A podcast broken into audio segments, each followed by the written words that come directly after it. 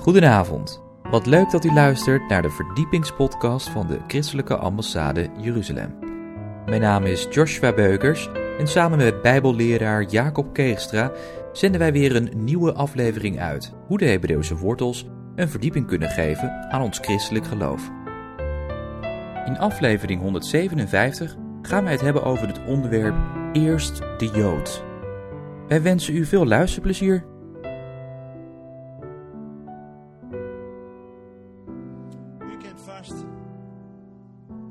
Bekendste tekst uit de Bijbel. Johannes 3, vers. Oké, hoe gaat hij? Al zo lief heeft God de. Oké.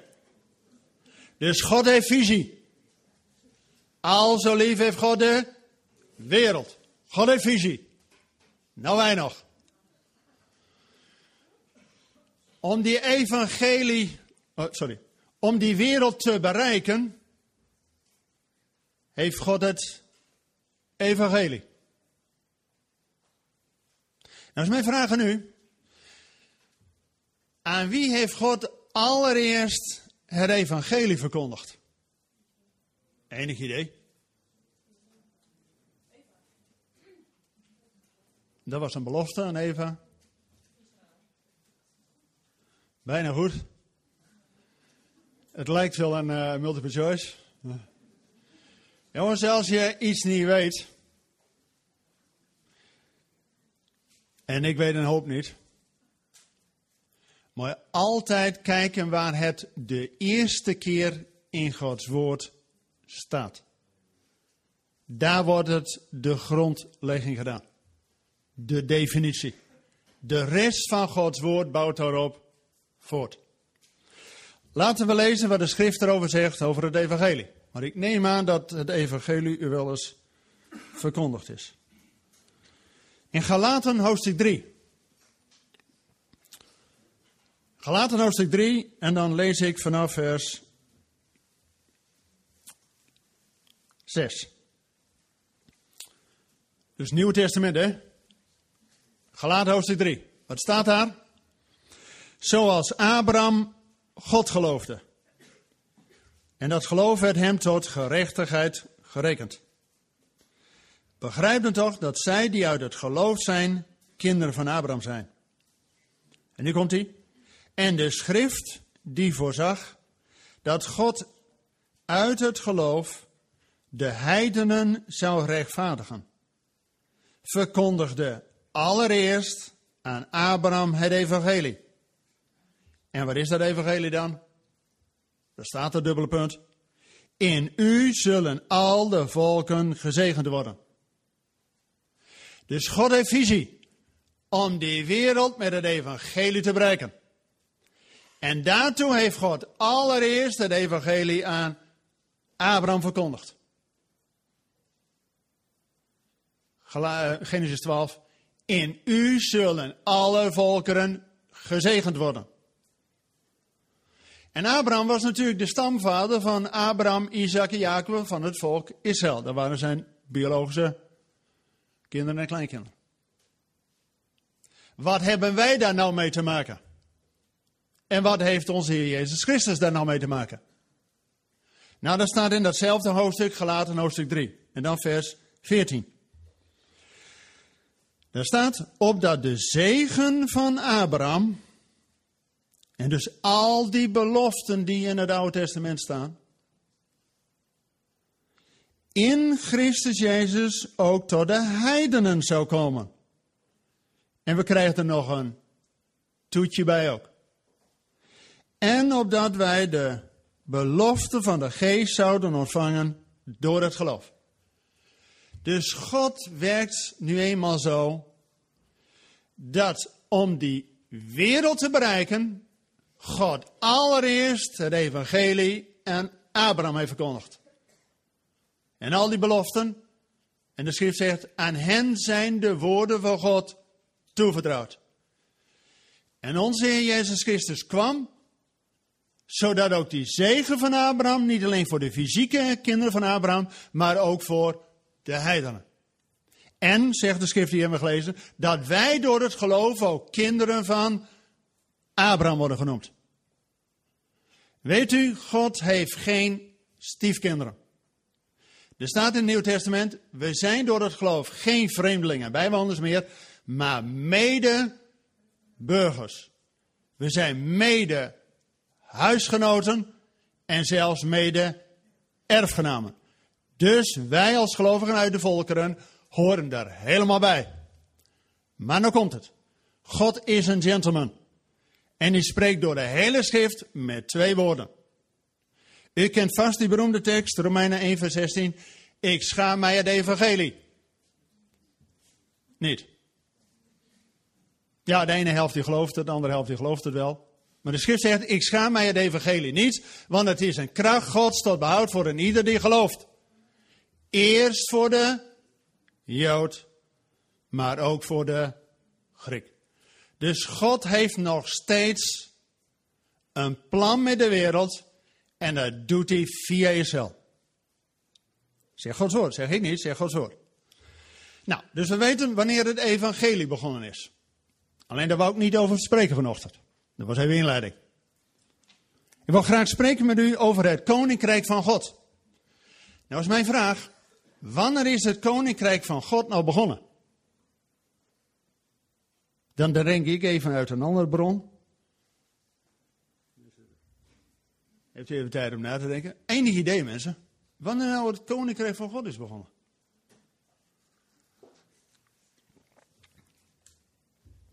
U weet ongetwijfeld dat Jezus begon. Weet je, Jezus sprak nooit over de kerk, hè? Er is geen preek van Jezus over de kerk. De kerk bestond nog niet eens toen Jezus er was. Jezus sprak altijd: bekeert u van het koninkrijk der hemelen is nabij. Ook wel koninkrijk van God. Maar is dat koninkrijk van God met Jezus begonnen? Nou kunt u misschien zeggen, ja, Johannes de Doper, zijn neef, die was al een half jaar eerder, die had ook over, bekeert u, want het koninkrijk van God is nabij. Nou natuurlijk de grote vraag, wanneer is dat koninkrijk van God nou begonnen? Enig idee. Laten we kijken wat de schrift zegt. Vragen stellen is goed, maar de schrift geeft antwoorden. Laten we eens gaan kijken in Exodus hoofdstuk 19. Exodus hoofdstuk 19. Dan heeft dat volk Israël is net uit Egypte. En de schrift zegt na 400 jaar op de dag af. Dat zegt u misschien helemaal niks. Maar als je dat nou met Hebreeuwse oren leest, dan is dat al evangelie. Kijk, we hebben dat lied gezongen met dit uh, refrein. Hij die is, die was en die komt. Ja, dat hebben we gezongen. Dan lezen we in openbaring 1 vers 8, waar Jezus zegt, ik ben de alfa en omega, hij die is, die was en die komt, de Almachtige. Zo'n God dienen wij, hè? Wauw. Maar Jezus is de alfa en omega, maar dat is Grieks. In het Hebreeuws staat er, ik ben de alef en de taf. En die alef is de eerste letter in het Hebreeuws, is nummer 1. Dat is duidelijk, Jezus is voor ons nummer 1. Hij is de leidsman en hij is ook de volleinder. Hij is ook die laatste letter van het Hebreeuws. En die laatste letter in het Hebreeuws, die taf, heeft getalswaarde 400. Zie je nou, wanneer die 400 jaar vol zijn, dan zegt Jezus, get out. En dan zegt die vader, oh, dat wil ik helemaal niet hebben, jongen. Hallo. Die vader had nog niet eens een zwemdiploma. Wat wil die vent? Als Jezus zegt get out, dan is het eruit. Ja toch, dat is evangelie. En dan lezen we hier in Exodus 19 dat dat groepje slaven, die natuurlijk uh, eh, 400 jaar, geen identiteit had, gewoon een beetje verschoppeling, slaven. Die haalt God eruit. Dus God spreekt hier in Exodus 19 tegen een verlost volk. En die is nog gedoopt ook. Zo. Zegt de schrift, hè? Ze werden alle in de wolk gedoopt en met hem meeging de rots, die is Christus. Zegt de schrift. En dan geeft God dat stelletje slaven een identiteit. Mooi lezen met mij in Exodus 19 vanaf vers 5. Daar staat nu dan, als gij nauwgezet mijn stem gehoorzaamt en mijn verbond in acht neemt, dan zult u uit alle volken mijn persoonlijk eigendom zijn. Want heel de aarde is van mij. U dan, u zult voor mij een koninkrijk van priesters en een heilig volk zijn. Dit zijn de woorden die u tot de Israëlieten moet spreken. Dus het koninkrijk van God begon met uittocht. En direct daarna in hoofdstuk 20 geeft God zijn tien geboden. Ja, dat hebben wij zo vertaald, tien geboden. Weet u, met Hebreeuwse oren, dit is een huwelijkscontract van God met zijn volk. Het begint met ik ben de Heer uw God die u uitgeleid heeft. En er is hier in de zaal geen enkele man die zijn vrouw graag wil delen met een ander. Zo is ook God, is een jaloers God. Daarom zegt God direct, heb nou geen andere goden, want ik ben uw man en uw maker. En als God hier zijn volk uittocht doet, dan lezen we nergens dat Mozes de koning wordt. Want God is hun koning. Zij zijn een koninkrijk van priesters. Wat doen priesters? Enig idee, wat doen nou priesters? Heeft het nou voor zin dat ze tot priesters? Al die vragen stellen, hè? Niet aan mij, maar aan de schrift. De priesters nemen het volk voor de troon van God. Als gebed. En de woorden van verzoening vanuit de troon van genade mogen ze aan het volk meedelen. Alleen dan krijgen ze dus die leefregels van het koninkrijk. En dat is meer dan alleen dat ze eh, dit wel op Shabbat mogen doen en dat niet. Er zijn allerlei leefregels voor hoe de samenleving, hoe Gods samenleving bedoeld is. Ook dat je opkomt van wees, weduwe en vreemdeling. Want juist ook de gemeente hoort de maatschappij te transformeren. Dat we de wetten van God ook toepassen in de samenleving. En dat is dus niet alleen op zondag, maar vooral ook in ons werk. En hoe we dagelijks omgaan. Want God wil dat wij heel de aarde naar zijn beeld herscheppen. Door de kracht van de Heilige Geest. Alleen dan is Israël op weg naar het beloofde land. En dan woont men jaren in het land. En dan kijkt men om zich heen. En dan kijkt men naar al die andere volken. En dan zeggen ze, wij willen ook een koning. Net zoals al die andere volken. En de profeet Samuel zegt, dat moet je niet doen joh. God is jullie koning. Ja, maar zeggen van, nee, net zo zijn als die anderen. die wereldgelijkvormigheid zit ons ook in het bloed. We willen allemaal laagdrempelig en alles, wordt allemaal mooi. Jongens, we zijn een apart gesteld volk tot zegen voor de ander. Dat is onze roeping. Ook Israël, ze verlangen naar een koning. Net zoals al die andere volken. Samuel zei, dat moet je niet doen joh. Maar je hebt hoop vrouwen als harem en die uh, willen allemaal belasting. En jullie zonen moeten in het leger, dat is allemaal niet fijn. Dus dat moet je vooral niet doen. God is jullie koning, die zal over jullie waken. Dus Samuel gaat in gebed tot God. En God zegt, nou jongen, ze hebben niet jou verworpen, maar ze hebben mij verworpen om koning over je te zijn. En weet u, dan na de laatste profeet het Oude Testament, weer 400 jaar radiostilte, dan komt Jezus. En doet precies hetzelfde als Mozes op de berg. Dat Jezus ook twaalf discipelen uit de stammen van Israël op de berg heeft zijn berg gereden. Leefregels voor het koninkrijk. En Jezus scherpt dat juist aan. Hoe wij kunnen leven als kinderen in het koninkrijk van God. En weet u, Jezus had heel veel gezeur met die oversten en fariseeërs van die tijd. Want die wilden allemaal regeltjes. Je mag dit niet en je mag dat niet. Ik weet niet hoe u tot geloof bent gekomen, maar, maar ik uh, mocht vroeger op zondag helemaal niks, hè? Geen ijsje, niet fietsen, niet zwemmen, helemaal niks, hè? Oké. Jezus had ook zo'n moeite met al die fariseeën, die allemaal die regeltjes hadden. En niet wisten dat de Shabbat een dag is om tot rust te komen, tot herstel en tot genezing te komen. Zodat jouw ziel weer doet herleven voor het aangezicht van Almachtige. En als Jezus dan nou ook een verlander geneest op die dag, vinden ze, oh, dat mag allemaal niet. Maar Jezus zegt, je moet de werkelijke betekenis van de leefregels van God hebben. Want als je werkelijk leeft vanuit Gods geest, ja, de regel is dat je niet geen overspel mag plegen. Maar Jezus zegt, als je al kijkt naar een andere vrouw om die begeer, heb je eigenlijk in je hart al meer gedaan. Jezus geeft juist de principes hoe we de leefregels van het koninkrijk kunnen leven. Kijk, een voorbeeld. In Nederland hebben we allemaal verkeerslichten. Hè? Dat helpt ons bij het oversteken en een beetje de veiligheid. Dus ook een vader met zijn zoontje, was nummer drie. En de, die vader leert zijn zoontje, ho, verkeerslicht, als je op rood staat, stoppen. Dus iedere keer als de vader met het zoontje op pad is, eh, rood, stoppen.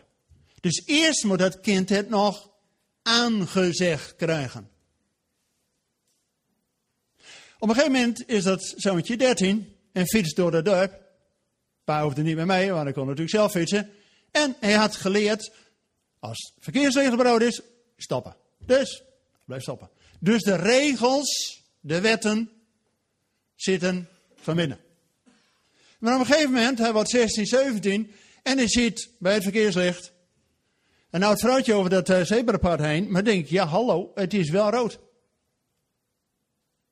Dacht hij, wat moet ik nou doen? Moet ik nou blijven staan?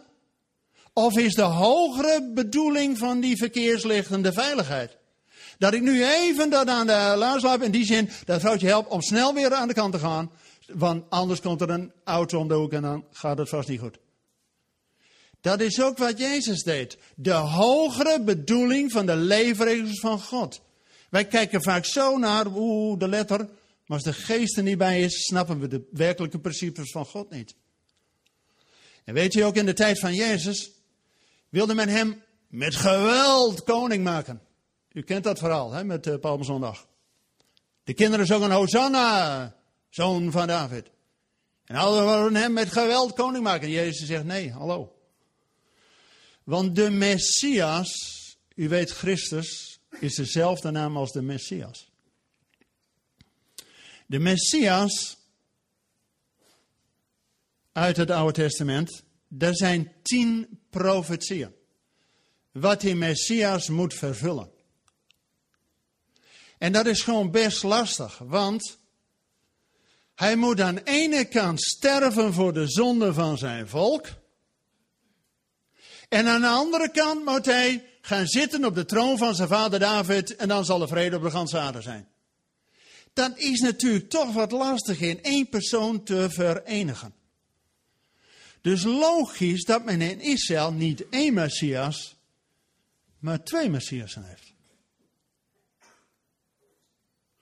Eerst is die Messias zoon van Jozef, die net als Jozef, geliefd zoon van de vader met een mooie mantel, maar uit jaloezie met zijn broeders verworpen, door de bak heen, door de moeilijkheden heen, maar God gaat hem tot onderkoning maken. Weet u trouwens, ik had net over de principes van God. En alle principes staan in Genesis. En de rest van de Bijbel bouwt erop voort. Je weet natuurlijk, het eerste principe van God is met Genesis 1. De schepping. Dat alles door God geschapen is. Het eerste principe. De rest bouwt erop voort. Weet u wat het laatste principe is van God? Uit Genesis. Weet u wat het slot is van Genesis? Even ertussendoor, hè. Weet u wat het slot is van Genesis? Genesis 50.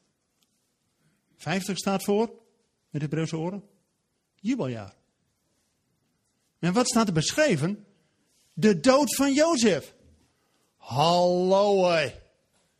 De dood van Jozef. Is dat nou een principe van God? Ja. Want wat was de eretitel van Jozef?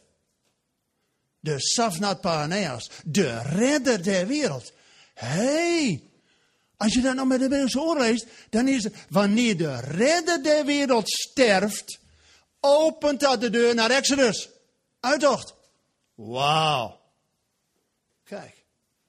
En die Messias, die eerst, kijk wij als christen hebben het makkelijk. Jezus kwam de eerste keer om de leidende knecht des Heren te zijn. Te sterven voor de zonde van zijn volk. Jezaja 53.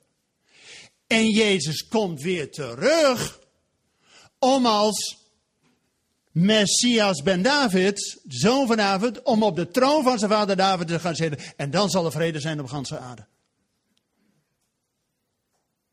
Alleen in de tijd van Jezus wilde men hem dus met geweld koning maken. En zegt, ho, eerst een roeping te sterven voor de zonde van het volk.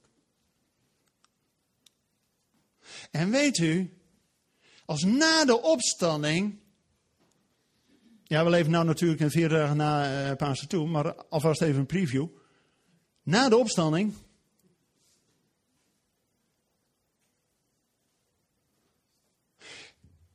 Geeft Jezus nog 40 dagen onderwijs.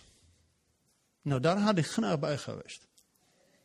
Gaf 40 dagen onderwijs over het koninkrijk van God. Zie je wel? Waar Jezus mee begon, zelfs na de opstanding, begint hij weer over het koninkrijk van God. En dan is de allerlaatste vraag van de discipel, vlak voor hemelvaart.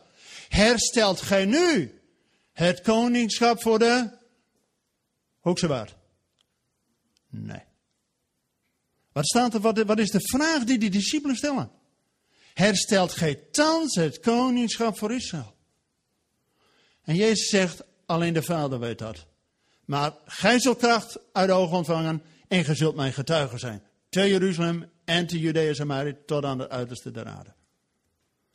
Dus toen was het de tijd niet. En na de hemelvaart, dan zegt Petrus, de hemel moest Jezus opnemen tot de tijd der wederoprichting alle dingen. Wauw, wanneer is dat? De tijd van de oprichting alle dingen. Dat heeft dus alles te maken voordat Jezus terug kan komen. Gaan we zo in. Weet u, er is hier zo'n parallel tussen alles wat met die uittocht is en stelletje slaven die geen identiteit hadden, die kregen een identiteit dat ze in het koninkrijk van God hun plek mogen hebben.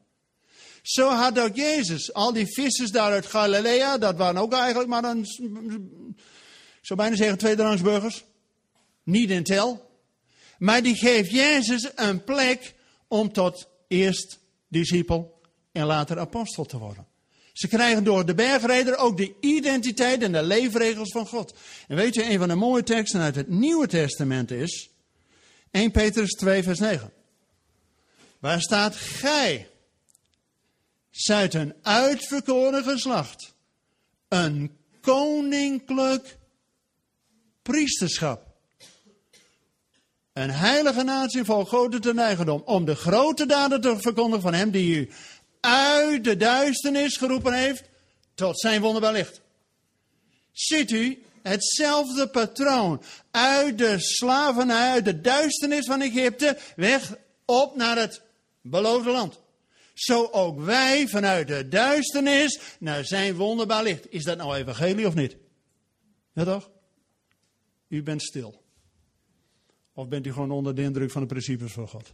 Ik wel. Maar dat betekent dat God ook uit ons geroepen heeft tot koningen en tot priesters. Weet u wat koningen doen? Die zitten niet onder de omstandigheden gebukt van, oh, gaat het met je broer? Oh, onder de omstandigheden wel aardig. Hallo, we zijn geroepen om te heersen over de omstandigheden. Zelfs om de wetten van het koninkrijk bekend te maken. Zodat onze maatschappij ook een christelijke natie wordt. Zijn we eeuwen geweest, maar ja, we hebben het uit de hand laten roven. Weet u, Amerika is ontstaan door de pelgrimsvaders. Die vluchten hier uit Nederland en uit Europa weg.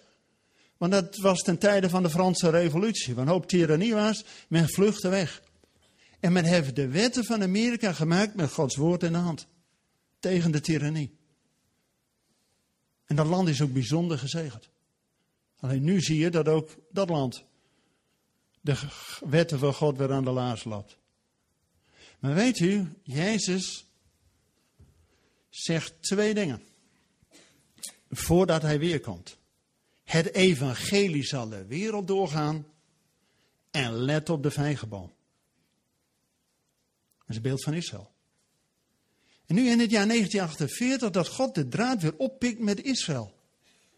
Ongelooflijk. Nou, wacht even. Weet u in welk jaar Abraham geboren is? Kijk, wij, wij tellen altijd vanaf nul, hè, vanaf de geboorte van Jezus.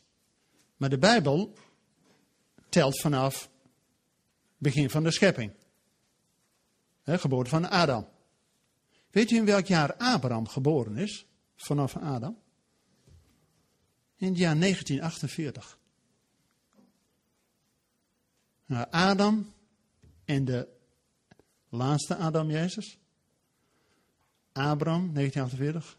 De stadicel, 1948.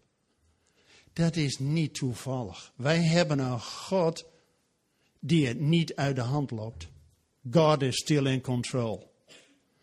En weet u, daar zal ik vanmiddag iets meer over vertellen. Wat God allemaal aan het doen is, ook juist op de Tempelberg. Maar daar wordt het alleen maar spannend. Maar goed, wij als christen hebben een taak. U kent misschien Ezekiel 36 en 37, dalde door de doodsbeenderen. Dat na de holocaust, dat al die doodsbeenderen weer aan elkaar komen. Vel erover, maar geest is in en nog niet, zegt Ezekiel. En dan moet Ezekiel een tweede keer profiteren tot de geest die naar de vier windsteken is uitgestort, dat ook zijn geest over zijn eigen volk komt. En dan wordt het een machtig leger van Joden. Weet u wat Juda betekent? Godlovers. Dat ze ons voorgaan om God te loven en te prijzen. Juist wanneer ook Israël zegt, gezegend hij die komt in de naam des Heer. Dat is het wachtwoord voordat Jezus terug kan komen. En we zien dat het evangelie bijna de wereld rond is. Het is natuurlijk in Jeruzalem begonnen, Klein-Azië, Europa. Door Columbus, een bekeerde Jood, is het naar Amerika gegaan. Inmiddels is het vuurtje van de Heilige Geest druk bezig in Brazilië. Een derde van Brazilië is al wederom geboren. Ieder uur van de dag wordt er een kerk in Brazilië geopend. Inmiddels is het werk van de Heilige Geest ook aan de andere kant van de wereld. De grootste kerken ter wereld zijn in Zuid-Korea. Eén kerk van Yom Cho heeft al 800.000. Daar kun je er nooit in, hè? Jullie visie voor een gebouw, maar uh, 800.000 gaat hem even niet worden, denk ik. Dus dat doen ze nog steeds die ploegen niet. Zoals acht uur komt de eerste 100.000. En die gaat om 9 uur naar de koffie en dan de volgende. En als je dan bidstond hebt, ben je niet alleen. Snap je wat ik uh, zeggen wil? En weet u, Gods geest gaat verder. Nu in China, er zijn al 130 miljoen christenen in China. Iedere dag wordt daar een kerk geopend. Dus Gods geest druk bezig in Indonesië, het grootste moslimland ter wereld.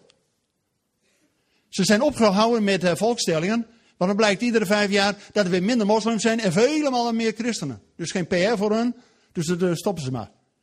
En logisch dat nu de hele Midden-Oosten, de hele Arabische wereld, de hele islam in rep en roer is. Want dat is de grootste laatste barrière voordat het evangelie terug is in Jeruzalem. En de schrift zegt, er komt nog verzoening tussen Jacob en Esau. En daar zijn wij als gelovigen uit de volken bij betrokken. Dat wij juist bidden dat de geest niet alleen over ons komt, maar ook over zijn eigen volk. Want God brengt zijn volk natuurlijk niet terug om alleen terug te zijn fysiek. Maar uiteindelijk terug te keren tot het hart van zijn vader.